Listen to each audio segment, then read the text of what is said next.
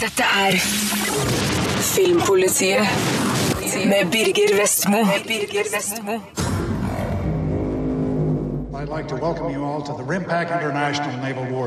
Det var flere enn jeg som stussa da det ble kjent at Hasbro planla en film basert på det klassiske brettspillet Battleship. Hva kunne det bli? Og svaret er en overdådig effektorgie som gir maksimalt smell for pengene. Eller bang for the buck, som amerikanerne kaller det.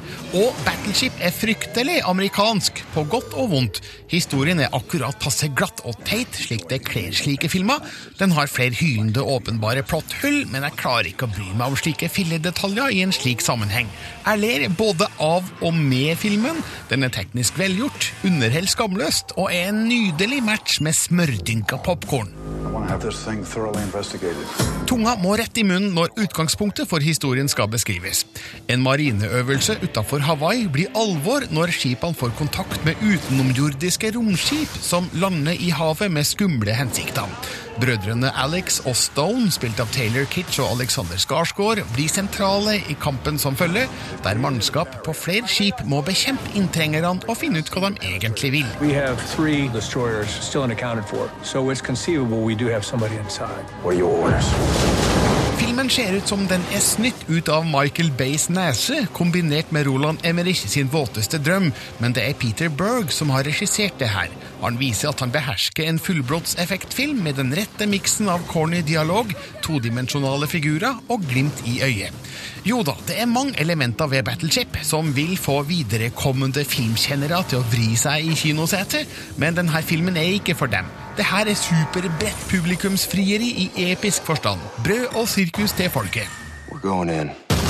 Det fins faktisk figurer i filmen som er verdt å merke seg mellom alle de visuelle effektene. Kitsch og Skarsgård er gode som actionbrødre. Rihanna er visst en krysning av radaroperatør og skytter og gjør ikke skam på seg. Liam Neeson er solid i sine korte opptredener som admiral. Brooklyn Decker er åpenbart ansatt som eye candy. Og Hamish Linklater spiller rollen som forsker, akkurat slik Jeff Goldblum gjorde i Independence Day. Det er nok ingen tilfeldighet. Battleship vil være Independence Day til vanns. Den har det visuelle fyrverkeriet, men jeg savner mer av Emmerich sin spenningsoppbygging, og det hadde heller ikke skada med mer humor. Siden det er forventa at jeg skal pirke, kan jeg gjerne påpeke at de ekstraterrestrielles presumptivt overlegne teknologi blir merkelig lite benytta, at deres invasjonsplan virker lite gjennomtenkt, og at enkelte skipsmanøvre vil få båtfolk til å storme sinte ut av kinosalen. Men jeg gir egentlig blaffen i det. Jeg ble godt og vel underholdt med Battleship, tross all feil og mangler. Det her er ren krigsskipporno, om et slikt uttrykk kan brukes. Det eneste som egentlig mangler, er at Cher dukker opp i trang trikot for å synge If I Could Turn Back Time. Har du sett musikkvideoen, forstår du sammenhengen.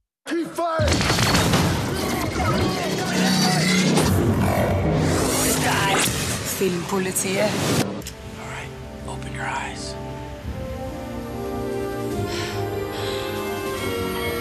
Det forplikter når en film bærer navnet Titanic.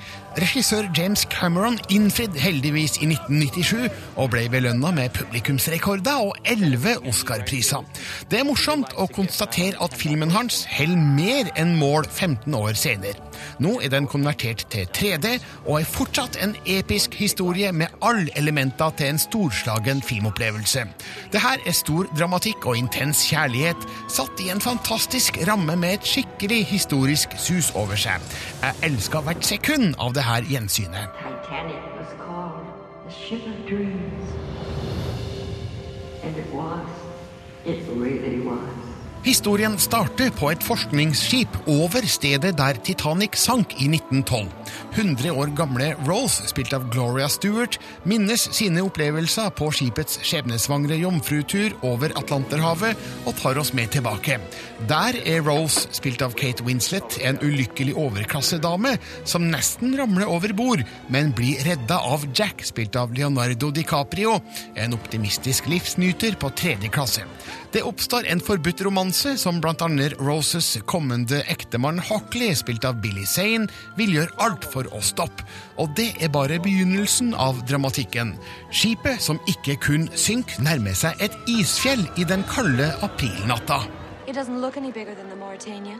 You could be blasé about some things, Rose, but not about Titanic. It's over 100 feet longer than Mauritania. Jeg hadde nesten glemt hvor stort inntrykk filmen gjorde i 1997.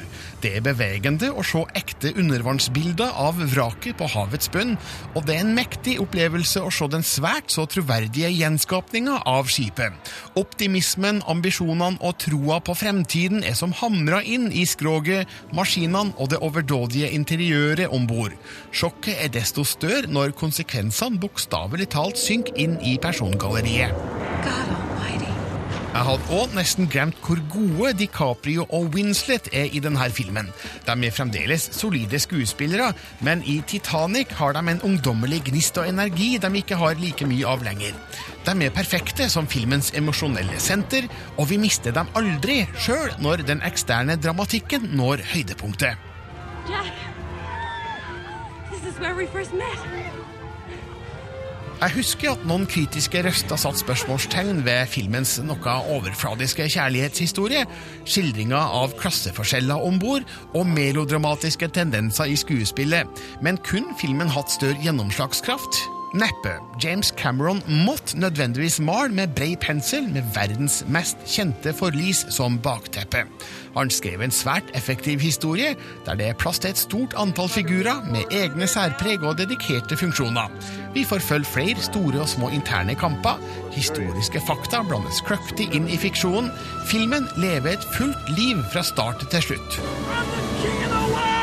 Jeg lar meg fremdeles imponere av filmens utseende.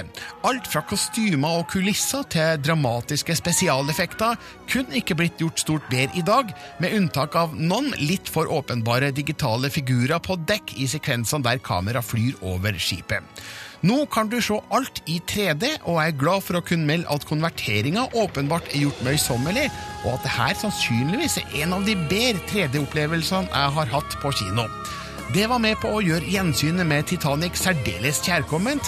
Tre timer og 15 minutter gikk unna på et blunk. Denne fantastiske filmen har tidløse kvaliteter som vil gjøre at stadig nye generasjoner vil oppdage den.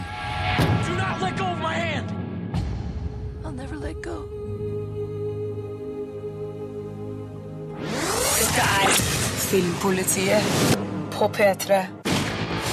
Negotiations broke down. Fix it. I have an assignment. It's like a paid holiday. Starting when? Den brutale virkeligheten til leiemordere legger grunnlaget for Steven Soderbergs siste lek med noen av Hollywoods største. Michael Douglas, Antonio Banderas, Ewan McGregor det er noen av navnene som har plass på den amerikanske regissørens siste spenningstopp. Gina Carano i hovedrollen som Mallory Kane er likevel stjernen i filmen. Hun overbeviser både som skuespiller og som actionheltinne. Soderberg er kanskje den svakeste parten i filmen, som tar deg med til den amerikanske landsbygda, Dublin og ikke minst Barcelona. Never done a woman before. You shouldn't think of her as being a woman. Mallory jobber for et privat sikkerhetsselskap på oppdrag for den amerikanske regjeringa. Parallellene til Blackwater-skandalene ligger nært filmens fokus. Hun er den beste i bransjen og tar ett ekstra oppdrag i Barcelona. Det som skulle være et todagers opphold, utvikler seg til å bli noe helt annet. Sikkerheten, fremtiden og livet står på spill idet jakten på informasjon tar henne stadig dypere inn i edderkoppens nett. You can tell me right now why you sold me out, or you can tell me in 10 minutes when I have my hands around your throat. Carano finner seg til rette i rollen som leiesoldaten Mallory Kane. Ofte er kvinnelige rollefigurer i denne typen filmer henvist til ja, mindre viktige roller. Det er godt å se ei dame som ikke bare er beinhard, hun er den beste i bransjen. At Carano tidligere var i verdenstoppen innen MMA, eller mixed martial arts, fullkontakt kampsport, hjelper på troverdigheten. Filmen følger henne tett i nesten alle scener. Den informasjonen du har, er den samme hun har. Intensiteten stiger i takt med fortellingen, og er det Soderberg lykkes best med i Haywire. Historien fortelles med tilbakeblikk idet Mallory flykter i en bil eh, med en ukjent og uskyldig mann et eller annet sted på landsbygda i staten New York. Tilbakeblikkene viser deg hva som har ledet frem til situasjonen Mallory nå må komme seg ut av, og Soderberg hopper stadig frem og tilbake i tid og rom. Etter hvert blir Mallory tvunget til å plassere flere biter av puslespillet hun er viklet inn i.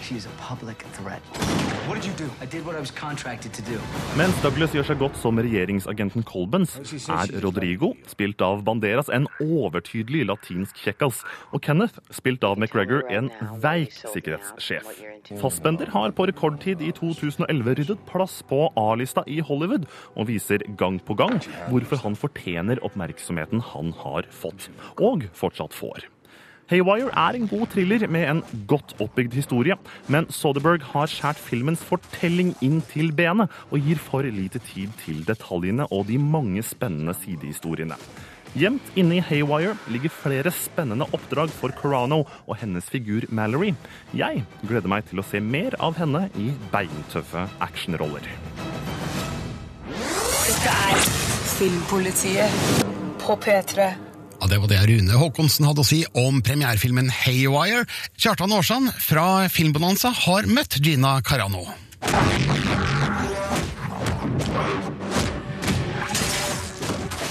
Det går i heftige slåssscener når amerikanske Gina Carano kjemper for livet i årets røffeste spionthriller. Ideen til Haywire kom etter at regissøren fikk se Gina Carano på sin egen hotell-TV en sen kveld.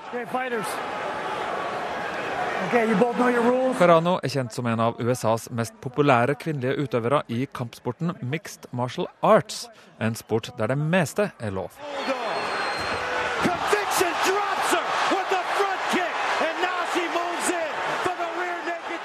Det og et eh, pent smil var nok til å overbevise Soderberg om å skrive en hel spillefilm, der hovedpoenget virker å være å la Carano gi kjente mannlige skuespillere juling.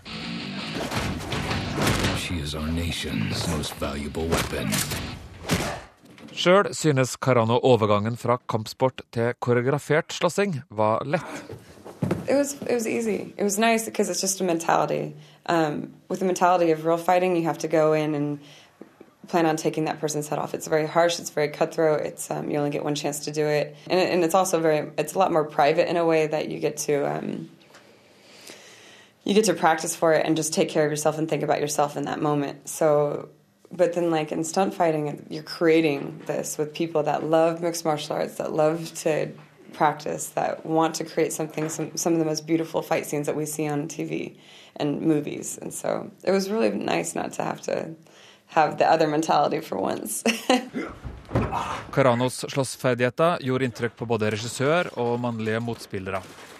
Sjøl ble hun imponert over kvaliteten på slåssinga til Channing Tatum, Ewan McGregor og Michael Fassbender, som ikke brukte stuntmenn i noen av scenene. It was really cool because if I would have done those same fight scenes with a stunt guy, it might have looked too perfect and too staged. But they brought such personality and such um, authenticity to the moves and to the fight and to the character and the feeling of the fights. So I think that's what really made them special. Channing is very athletic and very passionate and very explosive. Um, and then Ewan is very smart, quick, and he learns quickly. Um, so he's smart and technical, I'd say. And then Fassbender is like a, he's tricky. He's like an Irishman, you know, like cutthroat tricky. So if I could mix them all together and make a perfect fighter, I would. This is your pitch? You want me to be eye candy? MI6 wants me to be eye candy? Mallory, you were the eye. Gina Caranos største utfordring i filmen var skuespillet, men hun får skryt av kritikerne og er klar for mer film. I'm not going to say I'm like a professional now, but now I, I have an idea. So now I'm like, okay, I want to do it again. Ja, ah, Med det nye spillet Kinect Star Wars kan du hoppe rundt som en jedimester hjemme i stua. Bevegelseskontrolleren Kinect lar deg ta kraften i egne hender. Marte Hedenstad har testa ut spillet og kjent på hvordan det føles å ha jedikrefter. Alle som har sett Star Wars, har på et eller annet tidspunkt drømt om det. Å bruke The Force til å utføre fantastiske Jedi-triks. I Kinect Star Wars får du oppleve følelsen av å løfte svære gjenstander med kraften, for så å kaste dem av gårde. Og jeg lover deg, du føler deg ganske så kul når du gjør det for første gang, men dessverre så er ikke Kinect Star Wars et godt nok spill til å holde på gleden veldig lenge. The lightsaber, singular tool of the Jedi, a symbol of our order and often enough, the difference between life and death. Spillet tar deg med til årene etter hendelsene i Star Wars Den skjulte trussel. Innflytelsen til den mørke siden har bredt seg over galaksen, og Jedi-rådet prøver å styrke ordenen ved å opprette nye treningsleirer. En ny generasjon Padwan-elever er på vei, og du er en av dem. Sammen med Yoda og Jedi-mester Mavra Zain ankommer du og noen andre padwaner Wookienes hjemplanet Kashyyyk for å trene. Når planeten blir angrepet, må du hjelpe til å forsvare Wookienes hjemplass. Det viser seg at det hele er et skummelt komplott designet for å kaste Den galaktiske republikken ut i full krig. This was nothing like their previous attacks. And whoever's supplying them is also jamming external communications. Concluded. This episode is not. Go to the Jedi Council? I must. Vanskelighetsgraden i Kinect Star Wars er veldig lav, og spillet har norske stemmer. Det er tydelig at spillet er mynta på noen som er yngre enn meg, og jeg syns spillet til tider blir litt for simpelt, men jeg tror nok at det kan være underholdende for barna. Siden spillet er til Kinect, er det du som er kontrolleren. Du må veive med armene for å svinge lyssabelen, hoppe og dukke for å unngå hindringer, sparke fiender til side, og sist, men absolutt ikke minst, bruke kraften til å påvirke tingene rundt deg. Remember your training, and may the Force be with you. Bruken av kraften er et element som fungerer godt i spillet. Det er enkelt å ta tak i de tingene du vil. Dessverre fungerer ikke lyssabelen like bra. Armen til figuren din på skjermen reagerer ikke fort nok, og det hele føles veldig upresist ut. Det flommer over av fiender du må få has på i spillet, men de er latterlig enkle å ta knekken på. Du bruker for det meste lyssabelen til å hugge ned fiendene, og dette blir en smule repetitivt i lengden. Jeg ble også helt utslitt i armene etter all veivingen. Remain vigilant. Great faith I have in you all. Kinect Star Wars har noen lyspunkt som får nerden i meg til å godte seg. Spillet blir likevel for simpelt og repeterende til at dette blir den ultimate Star Wars-opplevelsen det kunne ha vært. Spillet passer best for barn på tolv år, og hvis du ikke har latt barna dine se Star Wars enda, så har de kanskje sett animasjonsserien Klodenes kamp. I så fall så kommer de sikkert til å like Kinect Star Wars, og få prøve seg med lyssabel og Jedi-krefter er jo tross alt rimelig fett. Dette er Filmpolitiet på P3. Dear Dr. Jones, I act on behalf of a client who has indicated a desire to introduce the sport of salmon fishing into the Yemen. Det går nedover for Ewan McGregor. Den friske unggutten fra Shallow Grave og Trainspotting på 90-tallet spiller nå gammel fis i den kjedelige filmen Laksefiske i Jemen, regissert av svenske Lasse Hallstrøm. Det her er en mild og rund historie. Jeg hater alt som er mildt og rundt. Gi meg noe med tagger, krutt og sterk smak. Ikke et intetsigende kjærlighetsdrama som det her. En potensielt interessant historie utvikler seg aldri til å faktisk bli det. For å leke med filmens tittel jeg får ikke napp. Fiskeforskeren Alfred, spilt av Ewan McGregor, blir kontakta av finansrådgiveren Harriet, spilt av Emily Blunt. Hun representerer en styrtrik arabisk sjeik som har en vill drøm, nemlig å anlegge en lakseelv i Jemen. Alfred har ingen tru på prosjektet, men tvinges til å ta det når statsministerens kontor ser PR-verdien. Han innleder et møysommelig samarbeid med Harriet, som kan tenkes å bære mange slags frukter, både på profesjonelt og privat plan. think it's going extremely well. It's an extraordinary idea. I wasn't talking about the project. Sjølsagt er ideen om laksefiske i Jemen helt spinnvill, men historien underspiller det her faktumet. I stedet for å dyrke absurditeten i det, presenteres vi for en kjærlighetshistorie der laksen kunne bli et bakteppe. Problemet er at jeg aldri bryr meg stort om de her figurene. De blir for blasse, kjedelige og uinteressante. Spesielt McGregors figur er så koksgrå at det virker uvirkelig at Harriet på noe tidspunkt skulle føle noe som helst for sin kollega. When things get tricky in my life, I talk to my fish. Det sys inn en uinteressant underhistorie om Harriets soldatkjæreste som er savna et sted i Midtøsten. Dette er kun et nødvendig redskap for å drive historien fremover, og brukes som brekkstang for å gi den noe som ligner et klimaks. Men det er nytteløst. Det virker nesten merkelig at det slappe manuset, basert på Paul Tordays roman, er skrevet av Simon Bufoy, som skrev de langt bedre filmene Slumdog Millionaire og 127 timer. Genetically Laksefiske i Jemen er komplett middelmådig på nesten alt den gjør. Jeg sitter igjen med en tom følelse og skjønner ikke helt hvorfor det her er funnet verdig en kinolansering. Det beste jeg tar med meg fra filmen, er Amer Wakeds birolle som Sheikh Muhammed, der han vekker sterke assosiasjoner til en yngre Ben Kingsley, men han hadde fortjent en bedre film å gjøre det i. Filmpolitiet på P3. Of all the gin joints in all the towns in all the world, she walks into mine. Casablanca er rangert som historiens tredje beste film av det amerikanske filminstituttet, bare slått av Citizen Kane og Gudfaren. Det sier litt om denne filmens posisjon. Sjøl om jeg ikke rangerer den fullt så høyt, ser jeg at vi har å gjøre med en udiskutabel klassiker med store kvaliteter, sterke øyeblikk, stram regi og flotte skuespillerprestasjoner. Nå er filmen ut på Blu-ray i en restaurert 70-års jubileumsutgave, der det meste er gjort helt riktig. Casablanca har kanskje aldri sett så bra ut som nå.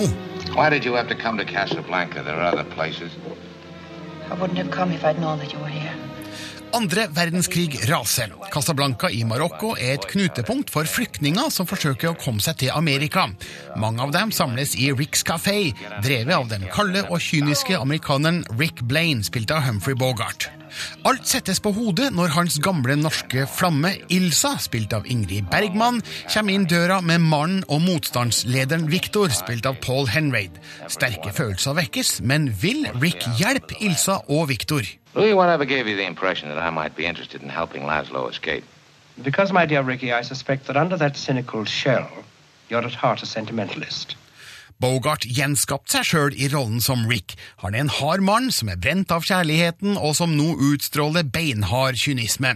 Hans nådeløse avlevering av bitende replikker er storarta underholdning.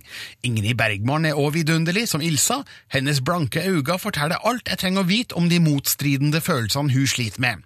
Begge er utstyrt med noen av filmhistoriens mest kjente replikker, som stadig er med på å løfte filmopplevelsen. Play it once, Sam. For all time's sake. I don't know what you mean, Miss Elsa. Jeg suges raskt inn i Casablancas atmosfære når kamera beveger seg inn i Ricks kafé og finner Sam ved pianoet. Gatene utafor myldrer av mennesker, og jeg føler meg virkelig hensatt til en travel fremmed by i Nord-Afrika på 1940-tallet. Alt er filma hos Warner Brothers i Los Angeles, men mesterregissør Michael Curtis skildrer miljøet effektivt. Han sørger òg for at en spennende historie fortelles med skyggefulle figurer, svikefulle omgivelser og farlige omstendigheter. De her kvalitetene gjør at filmen kan nytes gang på gang. One woman has hurt you, and you take your revenge on the rest of the world. You're you're. Casablanca har vært utgitt på Blu-ray en gang før, men nå er den nøye restaurert med fantastisk resultat. Jeg har bare sett slitte utgaver på TV og VHS tidligere, så det var nærmest en åpenbaring å se de sylskarpe detaljene og den store kontrasten i sort-hvitt-bildet. Jeg ser teksturen i Bogarts hud, glansen i Bergmanns hår og nydelig røyk i motlys. Bildet er imponerende godt. You said I was to do the thinking for both of us. Well, I've done a lot of it since then. It all adds up to one thing. You're getting on that plane with Victor where you belong. But Richard, no I... Now, you've got to listen to me. Casablanca fortjener sjølsagt sin høye status i filmhistorien. Det er godt å se at Warner har tatt så godt vare på den på Blu-ray. Kanskje kommer det utgaver på senere formater med annet ekstrastoff, men sjølve filmen føler jeg i hvert fall vi nå har fått den definitive versjonen av. Det her er utsøkt filmhistorie på en utmerket Blu-ray. No, no. He's looking at you, kid.